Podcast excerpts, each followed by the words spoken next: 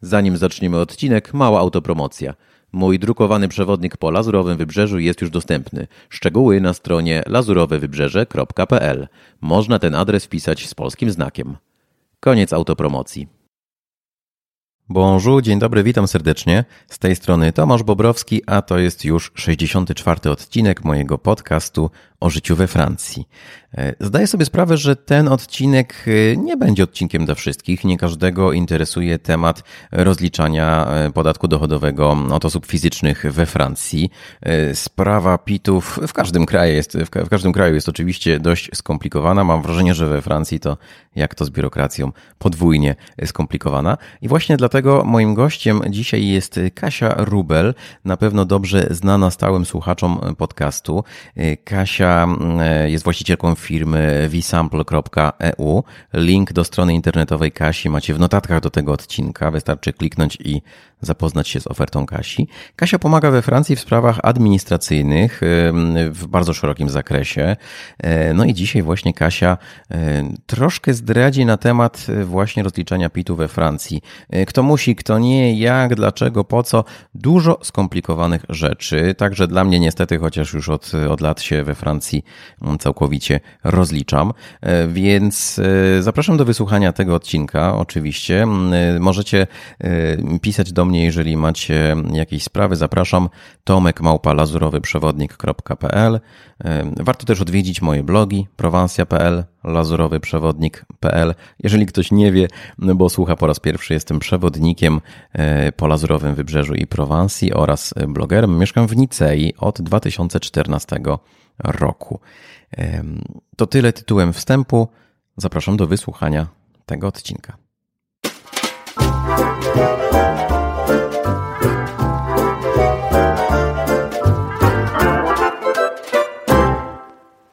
Moim gościem jest Kasia Rubel. Dzień dobry, Kasiu. Dzień dobry, Tomku, witam.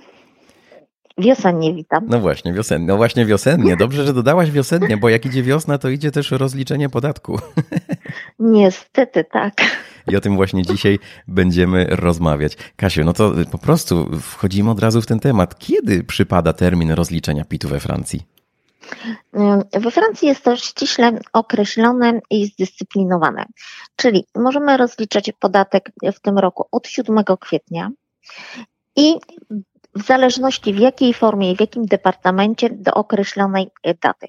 Do 19 maja wszystkie deklaracje w wersji papierowej muszą być złożone, niezależnie gdzie się mieszka. Następnie w wersji elektronicznej w zależności od y, numeru departamentu jest to albo 24 maj, 31 maj lub w ostateczności 8 czerwiec.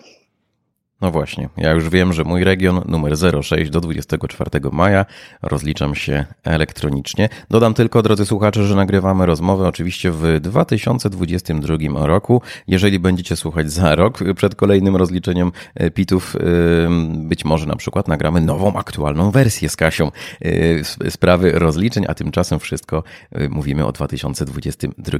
Kasiu, troszkę już zdradziliśmy, ale gdybyś mogła powiedzieć króciutko, jak złożyć deklarację PIT we Francji? Teoretycznie powinno się składać deklarację w wersji elektronicznej przez swój profil na stronie e, podatkowej. Natomiast e, w formie papierowej mogą e, składać osoby, które nie mają dostępu do internetu i praktykowane jest to przede wszystkim też w przypadku pierwszej deklaracji. Teoretycznie jest możliwość, żeby tą pierwszą deklarację, która jest najbardziej obszerna i dość skomplikowana, bo później to już idzie łatwo, złożyć e, elektronicznie. Tak było przynajmniej w zeszłym roku, e, ale e, jest to wręcz niewykonalne. Ja w zeszłym roku po 20, w przypadku 20 klientów i złożeniu zapytania tak jak należy online, żeby został przyznany numer, tylko w przypadku jednego klienta udało nam się to zrobić elektronicznie, we wszystkich pozostałych niestety papierową. Także no, pierwsza papierowa, ale proszę zwrócić uwagę, żeby zrobić sobie kopię tej deklaracji i wysłać ją koniecznie listem poleconym ze zwrotką. Bo niestety papierowe y, deklaracje, jak wszystkie dokumenty we Francji, mają tendencję do gubienia się. Otóż to, o tym już wcześniej rozmawialiśmy. No właśnie, moi drodzy, Kasia, e, oczywiście ekspertka od e, spraw e, na przykład administracyjnych we Francji, strona visample.eu, link do strony Kasi oczywiście macie w notatkach do tego odcinka.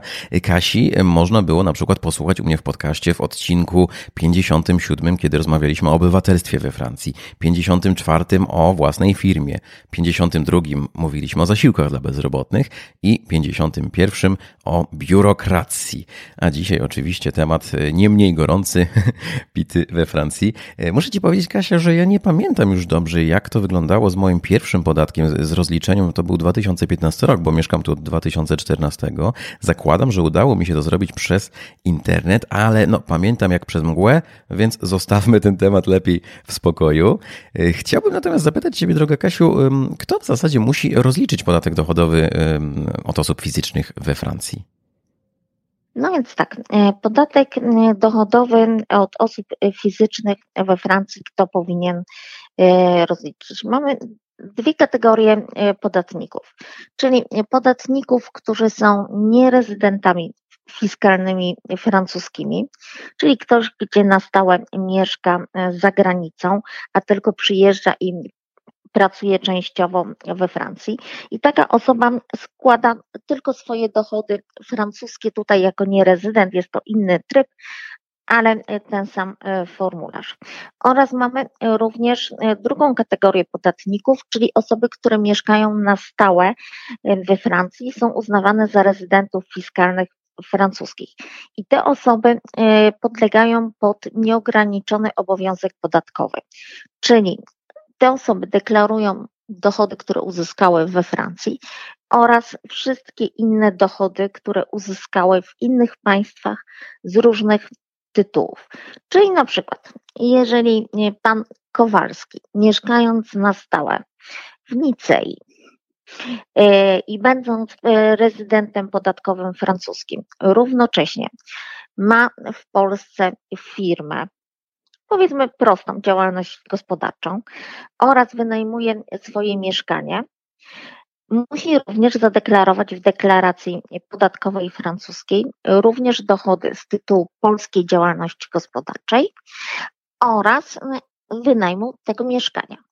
Oczywiście to nie oznacza, że płacimy podatek dwa razy za to same pieniądze, tylko płacimy raz, ponieważ mamy tutaj tak pomiędzy Polską a Francją jest specjalna umowa międzynarodowa, która to reguluje. I mamy tutaj tak zwaną mm, progresję, czyli mm, te dochody polskie są liczone tylko do tego, żeby ustanowić odpowiedni próg podatkowy, ale nie są dodawane do całej sumy i nie płacony jest od nich podatek we Francji. Tylko podatek we Francji, który w Polsce, przepraszam, który został odprowadzony. Mam jeszcze pytanie związane z tym, że w ostatnich miesiącach poznałem tutaj w Nicei sporo Polaków, Polek, Polaków, którzy przeprowadzili się na przykład we wrześniu, w październiku 2021 na Lazurowe Wybrzeże i e, zastanawiam się, czy te osoby też podlegają pod e, konieczność rozliczenia podatku dochodowego we Francji? To zależy. E, zależy wszystko od wielu kryteriów. Pierwszy taki punkt to jest pytanie, ile czasu się mieszkało we Francji, przebywało w przeciągu roku kalendarzowego. Jeżeli minimum 6 miesięcy, to jest się rezydentem fiskalnym. Ale e, jeżeli mówimy o naszym przypadku, czyli osób, e, które mają polskie obywatelstwo i będą mieszkały, czy mieszkały w Polsce i we Francji, no tutaj do zastosowania również umowa międzynarodowa e, między Polską a Francją. I tam e, również mamy e, określenie, które mówi, że jest to w tym kraju się rozlicza podatki, w którym jesteśmy, mamy centrum interesów życiowych i ekonomicznych. Niestety te dwa mm, podpunkty, czyli interesy życiowe i ekonomiczne e, są równoległe. I tutaj często po prostu pojawiają się problemy, które znam bardzo dobrze, niestety z praktyki, ponieważ Urząd Skarbowy Francuski niektóre osoby e, w identycznej sytuacji uznaje za rezydentów fiskalnych polskich, a innych francuskich. E, nawet do tego stopnia, że e, z jednym z moich klientów nawet odwoływaliśmy się w tej sprawie do mediatora e, Ministerstwa Finansów. I sprawa nadal jest w toku, wróciła do Urzędu Skarbowego i walczymy o to już dwa lata. Oczywiście, dlaczego jest to istotne? Jest to istotne, że to kosztuje w zupełnie inny sposób i jeżeli jest się rezydentem fiskalnym polskim, to za dochody, które się e, otrzymuje we Francji, należy zapłacić podatek jak nierezydenci.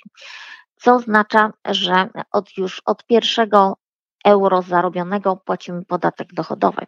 Natomiast w przypadku podatków i osób, które są rezydentami fiskalnymi, ma to zupełnie inny wymiar, są progi i to wysokie podatkowe i można podatku w ogóle nie płacić. Tak też między innymi było w przypadku mojego klienta, czyli była różnica kilku tysięcy euro w ciągu roku płacić lub nie płacić w ogóle. Hmm, no proszę, super, dziękuję za, za informację. Brzmi to coraz bardziej skomplikowanie, więc mam pomysł. Po pierwsze, drodzy słuchacze, jeżeli potrzebujecie oczywiście jakiejś e, pomocy w tym zakresie, to myślę, że e, Kasia jest odpowiednią osobą, z którą można się skontaktować. Link e, oczywiście w notatkach do odcinka, do strony Kasi. A po drugie, Kasiu, do ciebie mam propozycję. Mam takie Słucham. przygotowane bardzo ciekawe kolejne pytanie i chciałbym do niego tak płynnie, sprytnie przejść. Ja się boję Twoich pytań, Tomek, tak sprytnych tym bardziej. Słuchaj, tak, no więc ale to jest bardzo proste pytanie, bardzo ciekawe jednocześnie, bo przecież na pewno słuchają nas osoby, które na przykład zarabiają we Francji i wysyłają rodzinie w Polsce pieniądze. Ja się zastanawiam, czy te mhm. pieniądze przesyłane rodzinie w Polsce podlegają odliczeniu. A, to zależy, jakiej rodzinie i co rozumiesz tą przez rodzinę. Bo jeżeli przez rodzinę e, e, rozumiesz kuzyna e, lub siostrzenicę, Przykro mi, nie.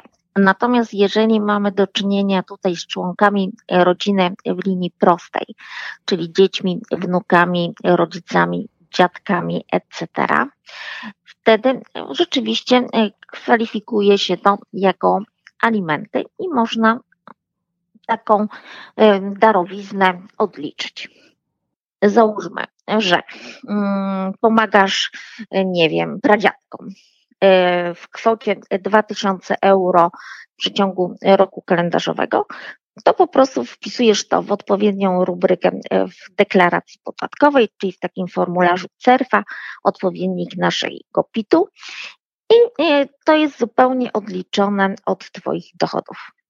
Czyli zakładając, że gdybyś na przykład za, za w, tam, w tym roku kalendarzowym, kiedy e, przekazałeś 2000 euro pradziadkom, zarobił 10, to znaczy, że masz już tylko 8 do opodatkowania tysięcy.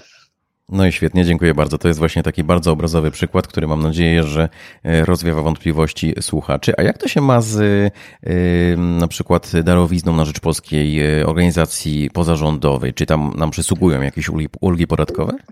Tak, przysługują nam, ale jeszcze jeżeli mi pozwolisz, Tomek, bo ja mam taką tendencję, że zawsze ci się wtrącam i mówię e, to, co nie należy, ale chciałabym ten wątek poprzedni zakończyć. Bardzo chętnie. Bo wiem e, z doświadczenia, że e, ponieważ polski system zupełnie inaczej podatkowy wygląda, że moi klienci, którzy są polskiego pochodzenia, nie rozróżniają do końca ulg podatkowych, czyli redukcją MPO i kredyt MPO.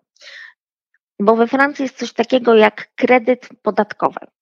Co to oznacza? To oznacza, że jeżeli na pewne cele, oczywiście przez prawo fiskalne określone, y, przeznaczasz pewną sumę pieniędzy, to możesz sobie to odliczyć. Na przykład w przypadku, gdybyś miał potrzebę prasowania koszul i tego na przykład nie lubisz, to możesz zatrudnić panią, która przyjdzie do domu i to zrobi za ciebie pani zapłacisz powiedzmy w skali miesiąca 100 euro, bo jeszcze coś tam może zrobić inne rzeczy, prawda, domowe, zająć się wszystkim, a francuski urząd podatkowy z tego 100 euro odda ci 50. O, brzmi ciekawie. No tak, tym bardziej, że teraz mamy zmianę, bo dawniej było, znaczy jeszcze do tej pory jest tak, że e, jak na przykład korzystało się z tych e, określonych usług, to płaciło się przez cały rok całą kwotę, prawda? A na początku kolejnego roku kalendarzowego dostawało się zwrot należnych pieniędzy. Natomiast teraz od kwietnia e, jest zmiana. W przypadku, kiedy się płaci przelewem, od razu e, dostajesz, płacisz tylko 50% wynagrodzenia, nie płacisz całości. Od razu masz tą zwrot uwzględniony. Bardzo dziękuję. To w takim razie możemy chyba wrócić do tego pytania, które już zadałem. Czy z tytułu darowizny na rzecz polskiego NGO przysługują ulgi podatkowe? Tak, nie, Tomku. Tym razem odpowiem na to pytanie. Jeżeli e, będzie to organizacja podobna do francuskiej, czyli charytatywna, uznana za organizację pożytku publicznego, czyli wszystkie NGO w Polsce, które mają statut OPP, czyli organizacji pożytku publicznego, jeżeli przekaże się na ich rzecz darowiznę, można sobie odliczyć 66% takiej darowizny. Ale uwaga, w limicie 20 procent całych Twoich dochodów. Czyli nie możesz e, tej, nie możesz e, skorzystać z ulgi, jeżeli to będzie powyżej 20% Twoich wszystkich dochodów rocznych. Tak rozmawiamy o tych różnych e, możliwościach, jest tego sporo i tu tak widzę też sporo możliwości do popełnienia błędu. I zastanawiam się, co nam grozi za błędy lub opóźnienie na przykład w złożeniu deklaracji o. we Francji. Tak, dobrze, że mówisz przede wszystkim o opóźnieniu. Zacznijmy od opóźnienia, bo tutaj bardzo restrykcyjnie do tego się podchodzi i rzeczywiście deklaracje muszą być złożone w tych terminach, od których zaczęliśmy omawianie dzisiejszego odcinka. Jeżeli przekroczymy e, datę i nie napiszemy pięknego listu e, z poważnym usprawiedliwieniem takiej sytuacji, grozi nam e, kara, że zapłacimy 10% wyższy podatek. To jest e, za kwestię opóźnienia. Natomiast kwestii na przykład e, błędów, to w zależności od błędu są to poważne sumy e, pieniężne. Na przykład w przypadku, kiedy zapomnimy zadeklarować, wystarczy, że jednego konta zagranicznego może być to kwota od 1500 do 10 tysięcy euro za jeden rachunek. No właśnie, i to było moje kolejne pytanie. Bardzo dziękuję, że o tym mówisz, bo wydaje mi się, że y, Polacy, którzy przeprowadzają się do Francji, nie zawsze są świadomi y, pewnego ważnego obowiązku. Ja sam nie byłem świadomy, na szczęście zostałem w porę uświadomiony. Moi drodzy, y, w deklaracji trzeba złożyć też informacje o kontach bankowych zagranicznych, nawet na przykład używanie rewoluta to już jest konto bankowe, które trzeba zgłosić. Dobrze mówię, Kasiu, prawda? Nie, nie do końca. O, o no jak to, jak to? Słuchamy w takim razie. Prawie ci się udało, e, rzeczywiście, ale po pierwsze, zgłosić konta muszą e, tylko rezydenci fiskalni francuscy. E, czyli ci, którzy są nierezydentami, nie mają tego obowiązku. Po drugie, mamy tutaj rozróżnienie na konta bankowe, kryptowaluty, za które jest uznany Revolut, PayPal i tak dalej, oraz, y, konta, oraz ubezpieczenia na życie. Są to trzy rodzaje instrumentów finansowych, które obowiązkowo, będąc rezydentem fiskalnym francuskim, należy zgłosić. Należy podać datę kiedy taka umowa została zawarta, nawet i kiedy została zamknięta, nawet w przypadku, kiedy już ich nie mamy. Ten formularz wcale nie jest prosty, chcą tam dużo informacji i to nie jest łatwe, jeżeli tak. ma się konto w banku na przykład od 20 lat, a nagle potrzebują takich danych. Wiem coś o tym. No, dokładnie. Wiem, bo ja też muszę później dręczyć moich klientów tak jest. tej kwestii. Ale bardzo dziękuję za to ważne dopowiedzenie. Teraz już wiemy, kto jakie konta zagraniczne musi składać. Ja zawsze tutaj wszystkich znajomych Polaków e, przestrzegam i przypominam co roku wiosną. Pamiętajcie, żeby te konta bankowe zgłosić. Moi drodzy, oczywiście co roku, drodzy słuchacze, nie musicie tego samego podawać. One zwykle są tam w systemie już podane. Czasami trzeba tylko coś zatwierdzić, zmienić, poprawić. Mhm. Mi co prawda raz z systemu wszystkie uciekły przy edycji i musiałem od nowa to wprowadzać, ale to jakiś błąd pewnie był po prostu. E, natomiast trzeba o tym pamiętać pamiętać o tym bardzo ważnym mm, obowiązku.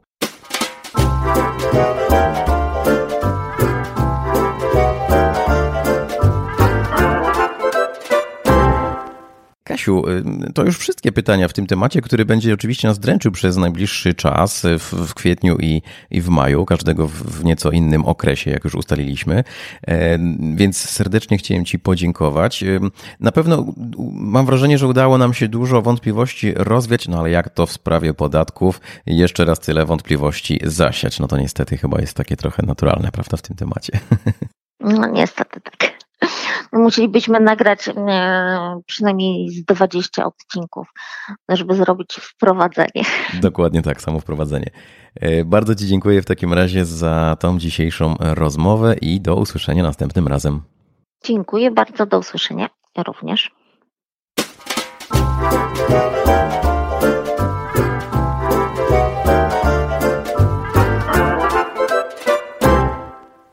To był 64. odcinek podcastu Życie we Francji. Moim dzisiejszym gościem była Kasia Rubel, y, którą możecie znaleźć na stronie internetowej visample.eu. Link y, oczywiście do strony internetowej jest w notatkach do tego odcinka. Bardzo Wam serdecznie dziękuję za wysłuchanie mm, dzisiejszego materiału. Y, nie zapomnijcie subskrybować tego podcastu, żeby otrzymywać powiadomienia o kolejnych odcinkach. E, zapraszam też na moje blogi prowansja.pl, lazurowym-przewodnik.pl. Jestem też na Instagramie jako Lazurowy Przewodnik. No i można się ze mną skontaktować pisząc na adres tomekmałpa lazurowyprzewodnik.pl. Z tej strony Tomasz Bobrowski z Nicei. Do usłyszenia następnym razem. Nie zapomnij odwiedzić strony lazurowewybrzeże.pl.